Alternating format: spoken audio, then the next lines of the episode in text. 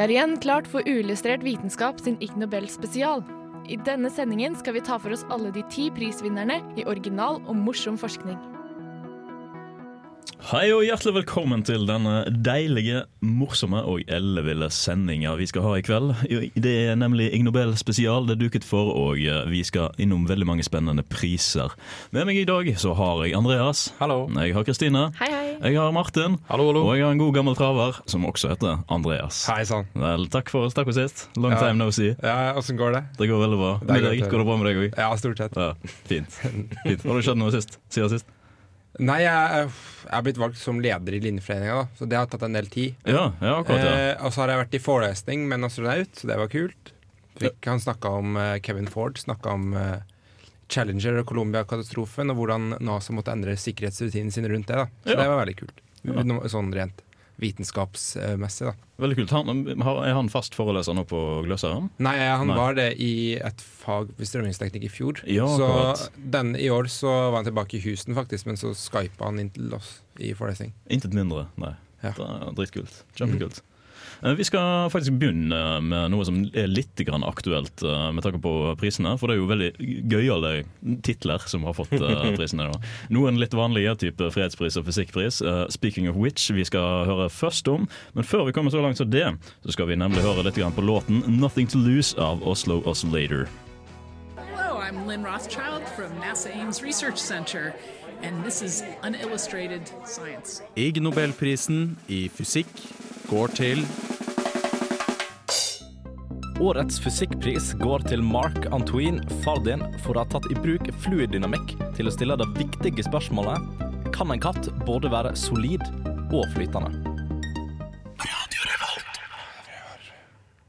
Og etter du eh, har hørt den saken der, så sitter du kanskje med et spørsmål og lurer på hva i alle dager er Ig Nobelpris for noe? Ig Nobelprisen er jo da en eh, tøyse-nobelpriskåring uh, som går til forskning som er meint til å først få deg til å le. Og deretter få deg til å tenke litt grann sånn Å ja, dette kan jo kanskje ha et bruksområde på et eller annet vis. Jeg er litt spent på akkurat det bruksområdet, ja, faktisk bruksområdet til eh, nettopp en flytende katt. Jo, nå skal du høre. Nå skal nå, nå skal du få lov til å høre. Dette er da basert på eh, noe som heter reologi. Eller det heter, studien heter The Reology of Cats. Mm -hmm. uh, reology da går ut på at Altså det er typ et studie på om hvordan ting som er flytende og hvordan ting som er solide, blir påvirka av massen Eller ja, blir av kraften rundt seg. Ja. Så altså, det blir jo, da blir jo standardfysikk hvordan kreftene fungerer på en ting. Det er bare veldig spesifikk område av fysikk. Eh, og dette, i hvert fall de bildene jeg så i den studien her, er jo basert på det der um, du, du har sikkert sett morsomme bilder av katter. Som er for eksempel, Svaret, svaret er ja. som er for eksempel oppi en glassbolle eller i, i en eh, vask eller noe sånt. Og det handler rett og slett om katter, at katter former seg mye på samme måte som vann ville gjort. Eller noe flytende ville gjort. I, I kombinasjon med ting, da. ja, ja. Det er rett og slett det hele studien går ut på. litt sånn måle viskositeten til en katt, rett og slett. på en måte Se om Ja. tyntflytende. Ja, altså, og grunnen, grunnen til at de valgte katter, er for at, at katter er jo myke dyr, og de former seg jo faktisk etter, etter ting. Ja. Jeg synes det, jeg synes det er morsomt. Jeg synes det er dritgøy. Vi har alle sett de søte bildene på eh, internett av liksom katter som sitter i en glassbolle eller en vase eller et eller annet. Det er jo Det er jo Sånn, artig. ja. Men går de under newtonisk eller ikke-newtonisk væske? Hvis du Det har ikke jeg peiling på. Hvis du slår katten din Fordi da, da, da vil han jo spenne musklene. Vil. Altså, av og til så er det sånn du prøver å klappe han til og med, så bare, og så får du et klor.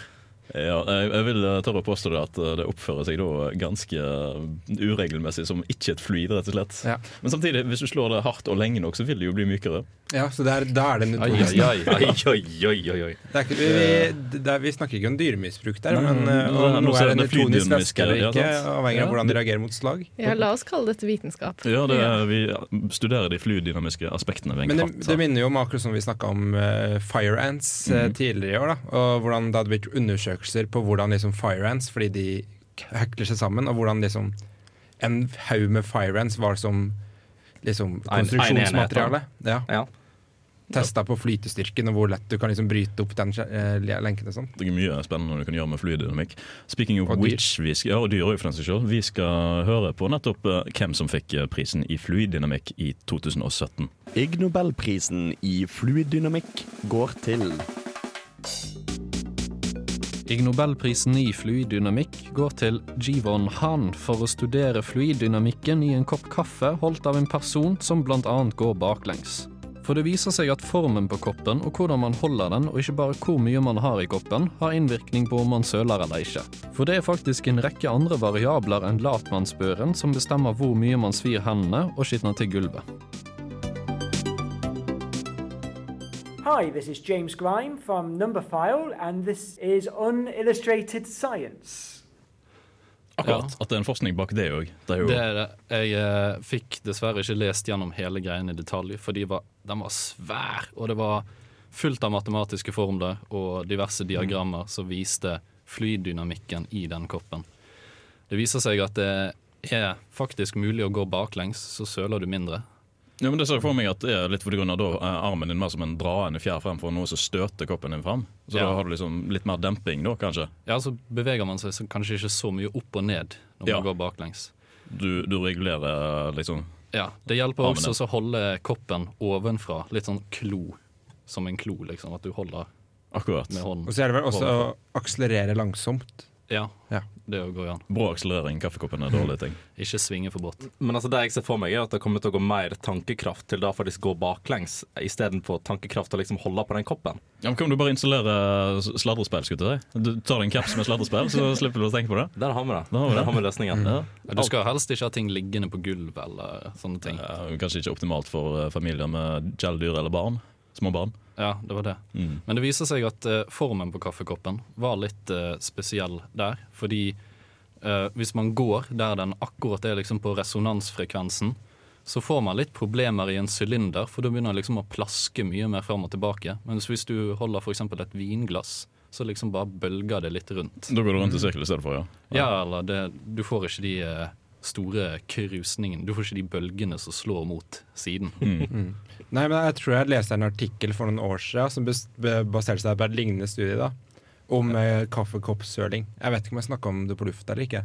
Men de hadde i hvert fall basert seg ut ifra all researchen NASA hadde gjort rundt eh, skvulping inne i, eh, inne i fuel-tank, altså drivstofftankene på romskiprakettene. Ja. Fordi det er ganske viktig at ikke det f eh, går overalt, fordi det er ganske mange tonn. Ja, sant? For Mm. Plutselig får du en slagkraft på ene sida som er litt uh, mer enn det rakettene klarer å kompensere for. Ja, så har de dratt den forskninga da over i det. Jeg tror det var på XKCD jeg leste om det. Der har vi jo bruksområdet til denne forskningen allerede. Ja, sant. Der har vi det. Helt fantastisk. Hva kom først? Kaffeforskningen eller rakettforskningen? Oi. Nå begynner vi å snakke. Mm.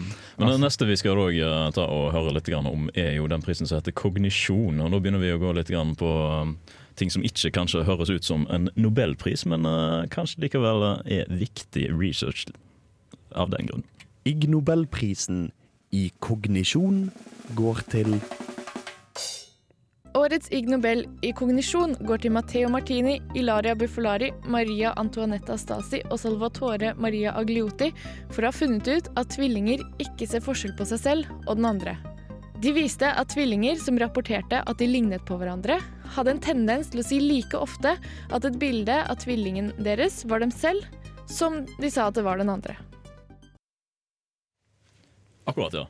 Ja. Så tvillinger ikke er så flinke til å kjenne seg igjen? Eh, nei, tydeligvis ikke. Det er det denne forskningen har funnet ut, da.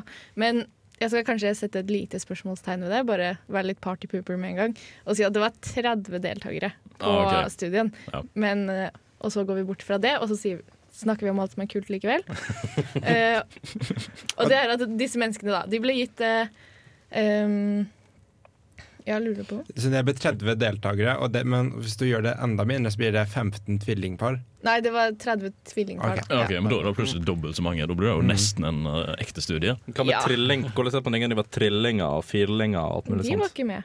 De får ikke være med. De kanskje, får ikke kanskje litt færre eneggede tvillinger og trillinger? De fins. Ja. Ja. De Det finnes. Nei, tilbake til poenget, da. Ja, Ja. vær så god. De ble gitt eh, et bilde, eller de hadde tatt, samlet inn masse bilder av disse tvillingene. Og så en kontroll, da, en person som var i slekt med dem, og så så dem veldig mye, men som ikke var tvilling. da. Eh, og så hadde de klippet ut alt av hår og klær, eh, sånn at du bare fikk den ovale delen av ansiktet. Og så eh, Jo, og så skulle de Og så fikk disse, disse testpersonene se bildet. Så skulle de trykke var det deg selv, var det den andre tvillingen, eller var det en slektning. Eh, og så var det jo da eh, ganske stor sjanse for at tvillingene tok feil. Om det var dem selv, eller om det var, eh, eller om det var tvillingen. De kjente igjen at det var en slektning, men de kjente ikke forskjell på seg selv eller eh, tvillingen. da. Eh, og det er jo ganske relevant, fordi man har jo Det er jo så viktig å kjenne igjen seg selv for sitt eget selvbilde. For sin egen liksom Ja, ditt eget bilde av deg selv inni hodet ditt. Og det må du nesten ha eh, for å fungere normalt. Det betyr også at tvillinger kan slutte å liksom føle seg fornærma når man forveksler de med tvillingbroren eller tvillingsøstera di. Når de ikke ja, kan sant, de er like dårlige på det sjøl. Nei, de kan ikke se hvem som ser det. Jeg lurer på hvor mange folk som ikke har tvillinger, som eh, forveksler seg med tvillingen sin. Ja, Ikke så mange. Nei. tror ikke det. Tror du, var det noen i det studiet som var tvillinger av motsatt kjønn? Eh, nei, det var ene, det var ene.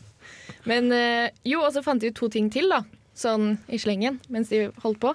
Og det var jo mer tvillingene rapporterte at de lignet på hverandre selv. Det er sånn De fikk sånn spørsmål hvor mye ligner du på tvillingen din. Og jo høyere de scora på det spørsmålet, jo eh, større sannsynlighet var det for at eh, de tok feil. da. Ja, ja. Så litt sånn selvgodhet, det lønte seg ikke. Nei. Nei. Og så var det også Jo mer eh, forsiktig man var i sosiale sammenhenger og på å skape relasjoner, jo vanskeligere hadde du for å kjenne igjen ditt eget og tvillingen sitt ansikt.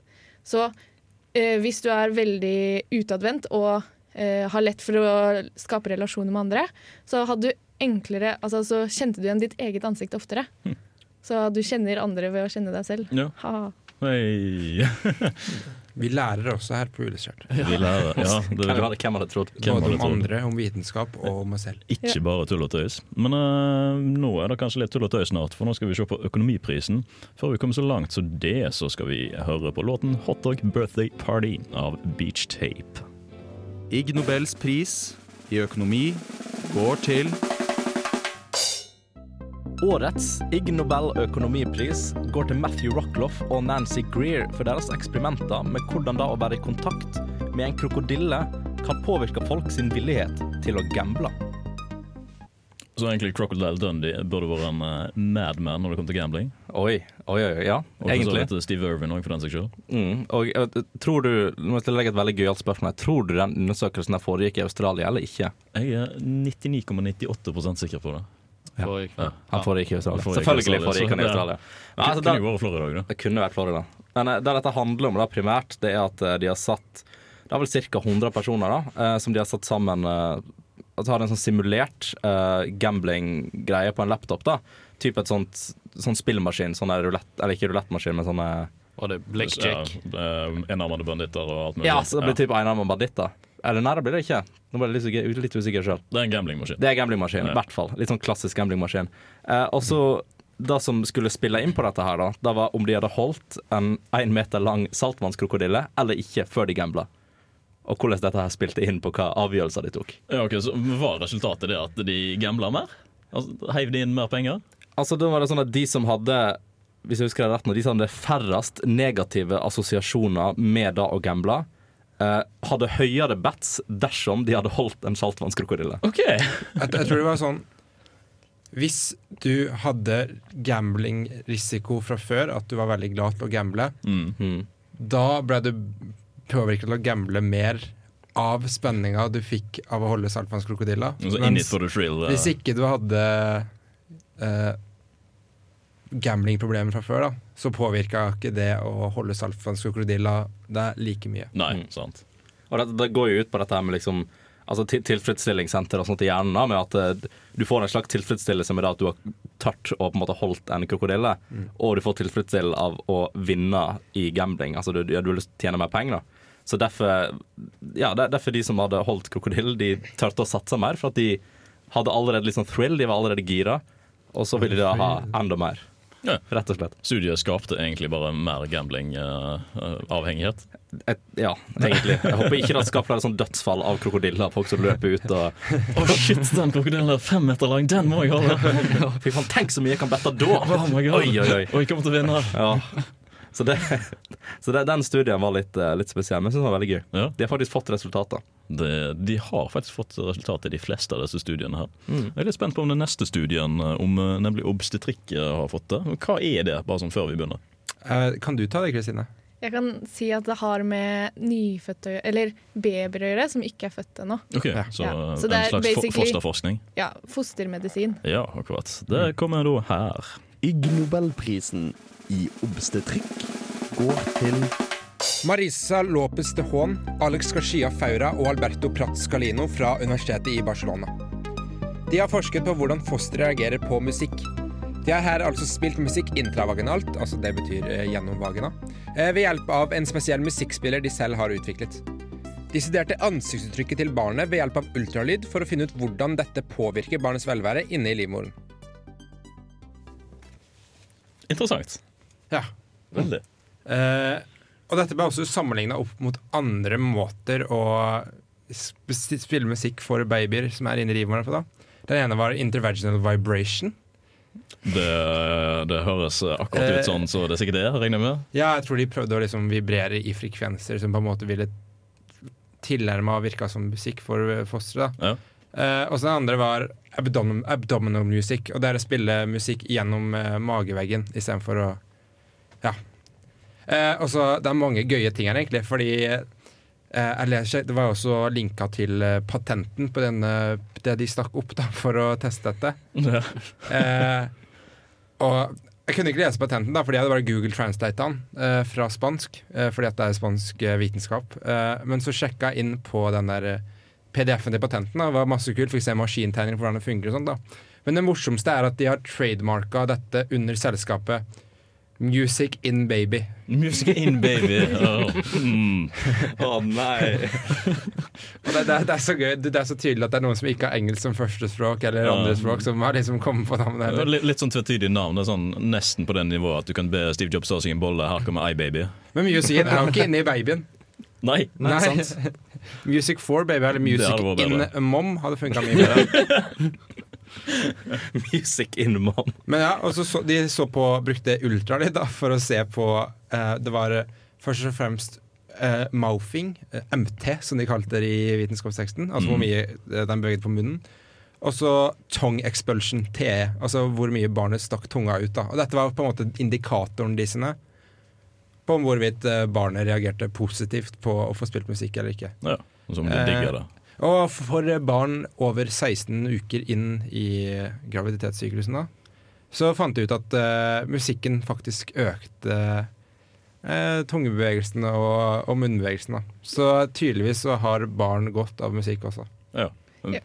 For det er jo ikke før eh, Eller det er sånn cirka da uh, høring eh, utvikler seg, lærte jeg i dag, faktisk. Etter 16 uker. Ja, sånn cirka etter tre, tre måneder så begynner det å utvikle seg, og da, når du hører noe, så vil du jo da reagere på det. Det er jo fett, da. Logisk nok. Kan vi begynne å liksom lære ungene våre til å like ordentlig musikk før de blir født en gang? Så Du kan lære seg å like tryllefløyten før du blir født. Det hadde vært fint. Men uh, vi skal da straks videre i sendingen og høre litt grann om biologiprisen. Før vi kommer så langt, skal vi høre 'Airplane Mode' av Anton. Du hører på Uillustrert vitenskap her på Radio Revolt. Du hører på uillustrert vitenskap på Radio Revolt. Nå med alle Andreasene du trenger, pluss to til.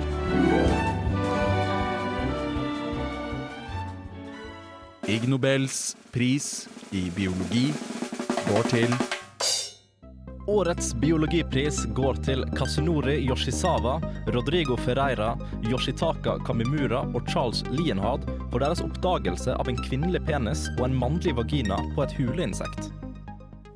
Exactly. Du finner mye rart hvis du leter. Du finner veldig mye rart, så, og du finner veldig mye rart i Japan òg. Ja, Ja. Uh, ikke minst. Altså, det den studien her går ut på, er egentlig bare Det handler veldig mye om evolusjon og hvordan eh, over tid så har disse to kjønnene på disse insektene rett og slett reversert, reversert seg. Det, de gikk altså, de gikk fra kvinne og mann, og så over til mann og kvinne. Ja, Og så- altså underveis. Bare underveis. At det er sånn, sånn superevolusjon som har skjedd innenfor et veldig kort tidsrom. De fant ut at eh, det skulle være litt mer likestilling, og så Ja, sorry, jeg skal ja, og, så, ta og så gikk det for langt, og så endte det opp at de bare bytta. ja. Nei, uh, så altså, mye av dette handler altså, De fokuserer veldig på genitalia i dette her, da. Ja. Imot at, at altså, I dette tilfellet så ser, er det kvinnen som har en penis, og mannen som har en vagina. Og det er kvinnen som ejakulerer i dette forholdet. Ja, akkurat. Men hvordan vet du at det er en kvinne da, egentlig? Ja. Altså, de, det er de som beskriver det som en kvinnelig penis og en mannlig vagina. Så det er deres referanse. Altså, kan du identifisere insekter på samme måte med å se på kromosomer? Sannsynligvis ikke, men det er jo fortsatt typ, Sannsynligvis ikke. Altså, hos noen, hos noen dyr så kan du ikke gjøre det. Ja. Hos noen dyr så kan du gjøre det. Okay. Så for eksempel fugler kan du ikke gjøre det, fordi at de har masse kjønnskromosomer som ikke er liksom likt. ja. Mens ja. mennesker har jo ganske A4. Pretty straight. så, altså, Mye av den studien går på en måte ikke så mye ut på å utforske akkurat dette her med kjønnet. Det går mer på en måte beskrive og sammenligne med f.eks. andre insekter. da. Ja.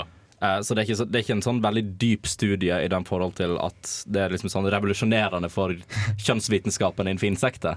Men det er bare at de har oppdaga noe nytt, og det har de lyst til å fortelle om. Det det. er sånn artig. Nei, jeg skulle sett insekter. Liksom, det har, Det er bare spennende. hva er greia med den? Liksom? Ja, jeg bare lurer på hva andre konkurrenter de kunne hatt innenfor biologi, dersom siden det var dette her som uh, stakk av med prisen. Altså Hvis, noe annet, hvis de finner noe annet som klarer å få sånn superrevolusjon og driver på med tull og tøys, så Ja. hadde de vunnet. Ja, jeg tror generelt en biologisk ting som hadde drevet med tull og tøys, hadde vært en aktuell kandidat. Krokodil, denne saltvannskrokodille som jeg tror har blitt holdt av mennesker, Men, men er mer sannsynlig til å gamble. har, eh, hvordan krokodillen har det etter å bli holdt av gamblere, det hadde vært en fin biologipris. Men, men, men kan, vi, kan vi kjøre et sånn throwback, uh, throwback Thursday tilbake til det første vi snakker om? Og da prøve å helle Det blir ikke så mye biologi. De prøver å helle en katt uh, som vann oppi uh, den der uh, maur-greia. Ja. Hvis du bruker det som en kopp, og så heller Ja. du katten oppi dit, hvor lenge vil, Hvor lenge vil katten holde seg? vil katten holde seg? Ikke så lenge, altså. Da hadde du bare fortjent en pris for de derfor.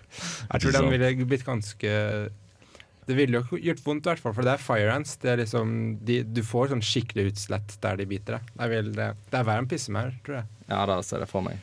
Ikke uh, Så kanskje heller bare slå katten din, nesten. Da, ikke, ikke hør på han. Ikke hør på han. Don't listen to him.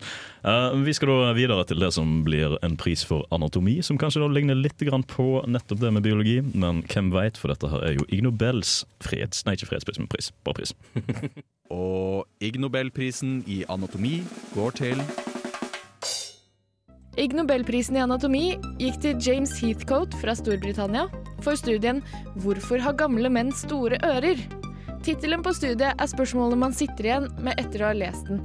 Fordi det de finner ut av, er at det er en lineær korrelasjon mellom økende alder og økende størrelse på øret. Science isn't about why, it's about why not. Why is so much of our science dangerous? Why not marry safe science if you love it so much? Det er gjerne godt at det ikke var en eksponentiell vekst på ørene her sammenlignet med alderen, og at det heller var en lineær vekst. Ellers så kunne det vært ganske triste saker å blitt gammel mann. Ja, men Uh... Eller kunne- Ja, kanskje vi kan bruke kanskje det til fly? fett. Vi kan bruke det til fly. Ja. Paragliding. Ja, det er det? Nei, men det er jo eh, en ganske godt observert fakta at gamle mennesker har veldig store ører. Og så har jeg prøvd ut denne lille funfacten på mange av vennene mine, de bare 'Å, dette visste jeg fra før av, det var ikke noe gøy'. Eh, og det var litt kjipt, da. Men så viste det seg at denne forskningen ble gjort i 1995. Og det er veldig mange som har bekreftet i etterkant at dette er fakta, da, en lineær sammenheng. Så det er ganske solid forskning. Eh, og det begynte egentlig bare som et prosjekt for å få allmennleger til å begynne å forske i Storbritannia. Fordi det gjorde de ikke så mye av, og forskning er kult. Så da var det masse allmennleger som gikk sammen og spurte alle pasientene sine Hei, du, kan jeg måle ørene dine? Og så plotta de det inn, og så fant de en sammenheng. Um, men det de ikke fant ut av, det var jo at eh, hvorfor ørene vokser etter kroppen slutter å vokse. For det, ørene vokser da med 0,22 millimeter i året. Så det er jo Det er en vekst. Det er jo en utrolig liten vekst, da, men eh, altså, over tid så regner jeg med at dette her, det tar jo skikkelig av. Det, ja, det blir en forskjell. Men eh, det, er det gjelder heller ikke bare menn, da. Det gjelder alle. Ok, så Det er ikke til å unngå. Du, dine blir større når du blir gammel. Ja, Og det er ingen som vet hvorfor. Jeg synes det hadde vært mer gøy hvis de ble eh, sånn type Mye mindre. Ja, mye mindre. At de ble så skikkelig små. Du sitter med liksom de der små sånn pingleører på slutten av livet. Det er sånn skikkelig Ja, det gir jo ikke mening. Jeg har jævlig ræva hørsel med sånne svære ører. Er Det kan hende det er sånn prøve å kompensere mekanisme. Men det er jo også noen som foreslår, jeg vet ikke om det er gjort like solid forskning på det, at også nesa blir større. At det har noe med liksom brusk å gjøre, da. At det vokser. Men det Jeg har lyst til, å være, til at det skal være det at du prøver å kompensere. Da. Så når du blir gammel, hører, må høre litt bedre. Ørene mine vokser litt mer. Åpne liksom eh, parabolene litt ekstra. Aha. Jo, jo, men det, det er faktisk et genuint spørsmål. da Er det Har det noen korrelasjon med hørsel, da at ørene blir større? Vet du det? Eh, nei, det tror jeg ikke. Okay. Jeg tror det Det er er brusk vekst. Ja. Men du får jo dårligere hørsel jo eldre du blir. Det er fakta. Det er sånn, Du kommer ikke unna det. Så fort du har liksom passert 30, så får du dårligere hørsel per år. Det er bare, sånn er det bare. Men det er absolutt ingen korrelasjon mellom det og ørevekst. Det er ikke forska på. Du må forske på det. La oss forske på det. Ja, Ja. la oss forske på det. Oss, Ripla, der har du jobben din. Ja, Kan ikke bli ferdig med bacheloren min først. da. Jo, og så kan du begynne på en uh, doktorgrad i ørevekst. Ja, Høres bra ut. Ja, akkurat ørevoks. Ørevoks. Mm. Men vi har jo det som er den gjeveste nobelprisen av alt. Kanskje det ikke er den gjeveste Ig Nobelprisen. Det skal vi høre litt mer om etter låten Change of Heart' av Ellen Andrea Wang.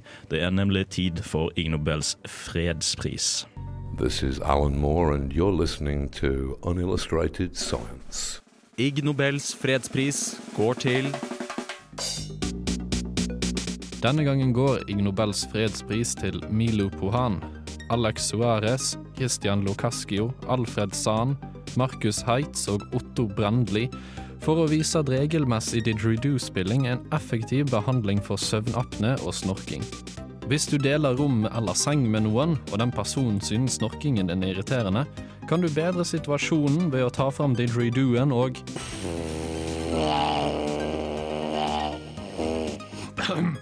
så blir det nok fort slutt på klagingen. I tillegg vil det behandle moderat søvnapne, slik at man kan puste lettet ut mens man sover. For hva er vel ikke mer behagelig enn å høre på en liten uh, didgeridoo? Det er faktisk ganske behagelig. Ja, Ja, For de som Jo, ikke ja. vet hva en didgeridoo er, så er det et sånn aboriginerinstrument. Ja. akkurat sånn. Akkurat sånn det. Takk for meg. Som er vel egentlig bare et uh, langt rør av tre, sånn jeg har forstått det. Og så blåser du inn i det. Eller du gjør sånn inn i det. Ja, man har, Så får du en veldig fin lyd. Det er veldig liksom, vanskelig båsteknikk, da, så man må på en måte holde det kontinuerlig. Så du må liksom puste inn med nesa som de som puster ut med munnen. eller sånt. Det er Hvis du kan drive med sirkelpusting, så er det ganske Ja, ja, ja. Men det kan ikke jeg. Nei, det er ikke så veldig mange som kan. En annen ting er jo søvnapne. Det er jo òg en greie. Det er jo Mm. det at eh, obstruksjon av de øvre luftveier mens man sover, Også kalt uh, snorking. Det òg skjer. Det skjer. som Det skjer. Det kan også tettes igjen. Ja. Men uh, søvnapné er jo ganske vanlig dødsårsak, spesielt blant overvektige. da Eller folk som er ekstra utsatt for det. Ja. For du slutter faktisk å puste. Det er Ja. skikkelig ekkelt å høre på. Du hører liksom noen som puster, og så plutselig så bare hører du bare sånn Og da var det tett. Og så var det tett, og så hører du, og så ser du at liksom kroppen prøver å ta, trekke pusten, og så sitter du der og bare faen, hva skal jeg gjøre nå? Og så, og så plutselig så løsner det seg at uh, personen bare Og så var det liksom Og så ble det snorking istedenfor. Spooky det- Halloween stories. Men spørsmålet er vil du heller høre Eller liksom, Hva vil helst sove med, da? Altså, kanskje, altså, snorking er jo veldig unpredictable. Når du, hvis du har sovet i samme rom med noen som snorker, så vet du at det er sykt unpredictable. Det er sånn, åh, Endelig har personen sluttet å snorke. Og bare, Nei, vent der! Satte det i gang igjen i 300 desibel. Ja, ja, ja. Innpust og utpust. Innpust. Og tenker, jeg tenker det at En didgeridoo eh, må være ganske behagelig sammenligna, for da har du mer sånn konstant uh, Du kan også- white noise. Tror det beste man kan gjøre med den for å stoppe snorking, er bare å slå dem med den?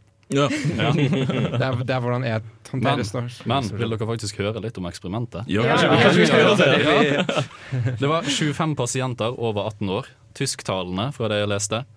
Eh, De fikk privattimer og regelmessig didgeridoo-spilling. Skal vi si Det var i gjennomsnitt 25 minutter hver dag, ble det. eh, Etter litt undersøkelser. Mm. Det holdt de på med i fire måneder. Og de merket faktisk en forbedring i Altså, de fikk mindre søvnapne, og de snorket mindre.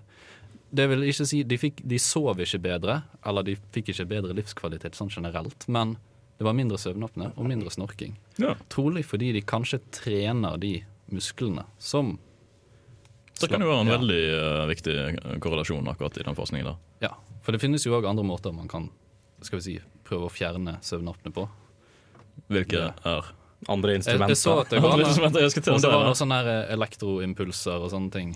Elsjokk. ja.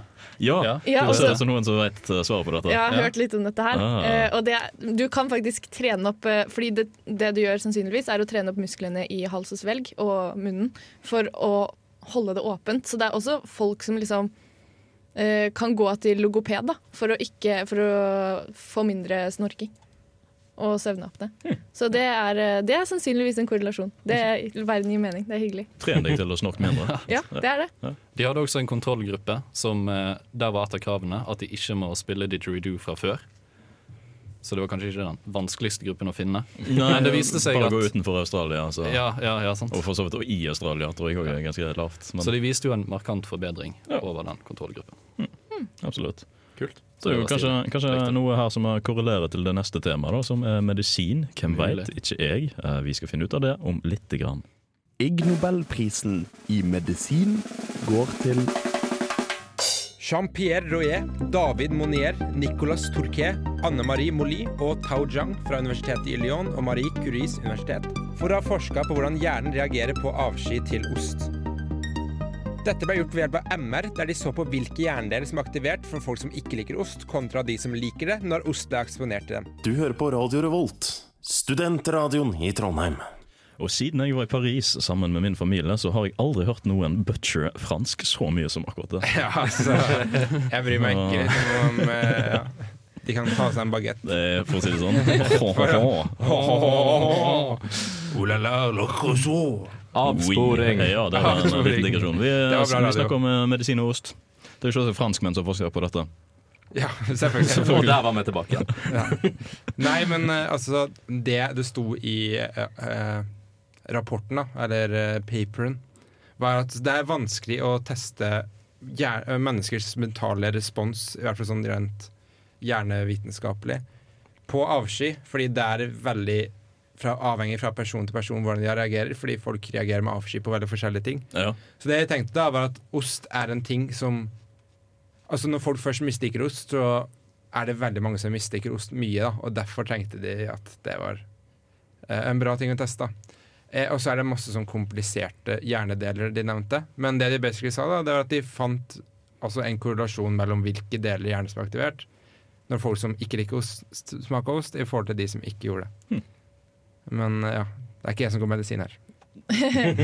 ja. Nei, kan du utdype litt mer om Ja, de delene av hjernen som eh, det har med det å gjøre, er jo da eh, ventrale striatum og globus pallidus, for de som er interessert i det. Ah. Ellers, for eh, alle normale, så er det eh, de delene som er assosiert med belønning. Og også deler som er assosiert Med med, bevegelse. Ost og bevegelse er jo synonymer, har jeg ja. sjekket i hvert. Så egentlig så gir det ikke så veldig mye mening. Uh, for, nei. Nei. Men hjernen gir ikke mening, så det går bra. Det går bra. Jeg føler Ja. belønning i gitt mening. Da. Så en belønning er vel assosiert med å Det er litt sånn motsatt, Altså, eh. ha positive og negative følelser. Og liker du ikke noe, så får du ikke belønning, fordi hjernen sier nei, fuck det. Fuck, Det- fuck ost, ass. Helt sant. helt sant. Ja. kan- kan- Kanskje kostholdsprisen sier noe om at ost er bra for deg. Det får vi jo finne ut av nå. Den kommer nettopp her på Radio Revolt. Ig Nobelprisen i kosthold går til Ig Nobelprisen i kosthold går til Fernanda Ito, Enrico Bernard og Rodrigo Torres for å ha funnet menneskelig blod i dietten til vampyrflaggermusen Diphylla eucadata, en art som vanligvis spiser fugleblod. De samlet inn avføringsprøver fra en hule der flaggermusene bor, tok ut DNA fra det, sekvenserte det og fant DNA fra kylling, og overraskende nok mennesker. Dracula is real. Ja. Er det det vi har eh, Burde vi være redde? Burde vi være redde? Ja, og det her er vår egen skyld, folkens. Og så nå når det nærmer seg halloween òg. Ja, nå, nå, nå skal dere høre her, fordi Ja. dette her er skikkelig sånn Det er klima... Hva heter det? Glo, sånn klimaproblemer-argument number one. At For- flaggermusene får menneskeblod i seg. At de spiser mennesker, fordi de har ikke noe annet å spise. Oh. Eh, dette var en eh, studie hvor de skulle undersøke eh, en art av flaggermuser, for de vet at i det området den flaggermusen, flaggermusen i Brasil da, bor, eh, så har det vært veldig mye De har hogget ned masse trær, og denne flaggermusen pleier å spise fugler. Og da har ikke fuglene noe sted å bo, og så har ikke flaggermusene noe sted å spise. Nei, noen ting å spise. Ja. Og, og så skulle de sjekke da eh, og hva denne hadde begynt å spise istedenfor. For det er en veldig sårbar art. Den kan ikke gå mer enn to dager uten å spise, og så dør den. Eh, Så da må den rett og slett drikke litt blod. Og så fant de da overraskende nok mennesker. De hadde, ikke, de, de hadde ingen anelse, liksom. Og så var det sånn Oi, shit, vi fant dette. Dette er et problem. Ja. Og det er et veldig stort problem fordi eh, det kan føre til spredning av rabies. Eh, Og mest sannsynlig en hel del andre Til- til deilige sykdommer. Ja, og eh, det er litt problem, fordi at det fins egentlig ikke så veldig mye bra kur for rabies, men det fører til koma og død. Ja. Altså, Ja. Merker man at man har blitt bitt, kan man si? Eh, ja, fordi du begynner de- å oppføre deg rart. Jo, men er ikke også disse vampyrflaggermusene huge motherfuckers? Ja, men altså, man må jo kanskje oppdage rabiesen ganske Ja. tidlig hvis man Det er vel sånn én dag, hvis ikke så er man stort sett ganske fucked. Eh, Eller Det vet jeg ikke, men du er stort sett ganske fucked i det hele tatt. Men eh, jo, det, det, er, det er en litt dum konsekvens da, av at man avskoger og styrerordner. Eh, Rett og slett. Rett og slett. Ja. Rett og slett. Ja, vi blir spist opp. Det er fremtiden, dere. er dette den nye flåtten? Den nye flåtten. Men det, det er ikke noe registrert sånn dødsfall pga. Uh, vampyrflaggermus? Så vidt jeg vet, så er det ikke registrert at uh, mennesker eh, Altså, det er ikke registrert at mennesker har blitt påvirka av dette her. Det er ikke noen som har sagt 'oi, shit'. Jeg ble spist av en flaggermus. Det Det er akkurat den måten det bildet sagt det på. Å nei, Å nå dør jeg! Men eh, de var veldig forsiktige da, med å ikke kontaminere disse prøvene. Mm. Eh, så det, det la de vekt på i artikkelen også, da, at de skrev at det, dette her var gjort av samme person med sånn verneutstyr, så det kan eh, vanskelig ha kommet DNA inn fra menneskene i prøvene på den måten. Så sannsynligvis så har denne flaggermusen faktisk fortært mennesker. Men uh, man har ikke forsket så mye på det, da. For det er lavinntektsland, og man Ja. oppsøker kanskje ikke lege hver dag. Ikke sant? Det er jo uh, kanskje the most spooky thing uh, som har blitt utdelt en Ig Nobelpris til noen gang. Hvem Mm. veit? Vi skal høre låten 'Hurricane' av Sandra Kolstad før vi runder av dagens sending. Det har vært veldig gøy å høre på alle disse Ig Nobelprisene som har vært utdelt. Mye tull, mye tøys, eh, mye bra forskning, må jeg faktisk helt ærlig si. Til Ja. tross for at det, Ja, det, det, var, det var et litt- bra år. Det var litt bra tøys. år. Det var bra år. Ja. Hvis dere vil høre mer på eh, lignende sendinger, så har vi faktisk Ig Nobel-sendinger hvert år. Eh, Og dere kan gå tilbake i podkastlisten for å sjekke ut dette. Her kommer Sandra Kolstad. So, this is Richard Wiseman, author of 59 Seconds, and you are listening to Unillustrated Science. Enjoy. Ja, det var det vi det, det, det, det. det var det vi hadde for dagens sending. Eh, Det var kjempekjekt å høre om alle disse Ig Nobelprisene. Uh, utrolig spennende, rett og slett. Jeg, er- jeg er veldig fornøyd. Uh, hvis dere som lyttere har noen spørsmål til oss, så send det gjerne inn på både Facebook og mest sannsynlig bare Facebook. Uh, så tar vi og svarer på disse her spørsmålene live på sendinga hvis det er noe som er interessant. Gi oss gjerne òg en like der, og så tar vi og deler litt informasjon om hva som skjer videre, rett og slett. Rett og slett. Ja. Mitt navn har vært Andreas Haugland. Eh, Med meg i studio i dag har jeg hatt Andreas ganger to. Hei. Jeg har hatt Kristine. Og jeg har hatt Martin. Ha det bra. Takk for oss. Ha det bra.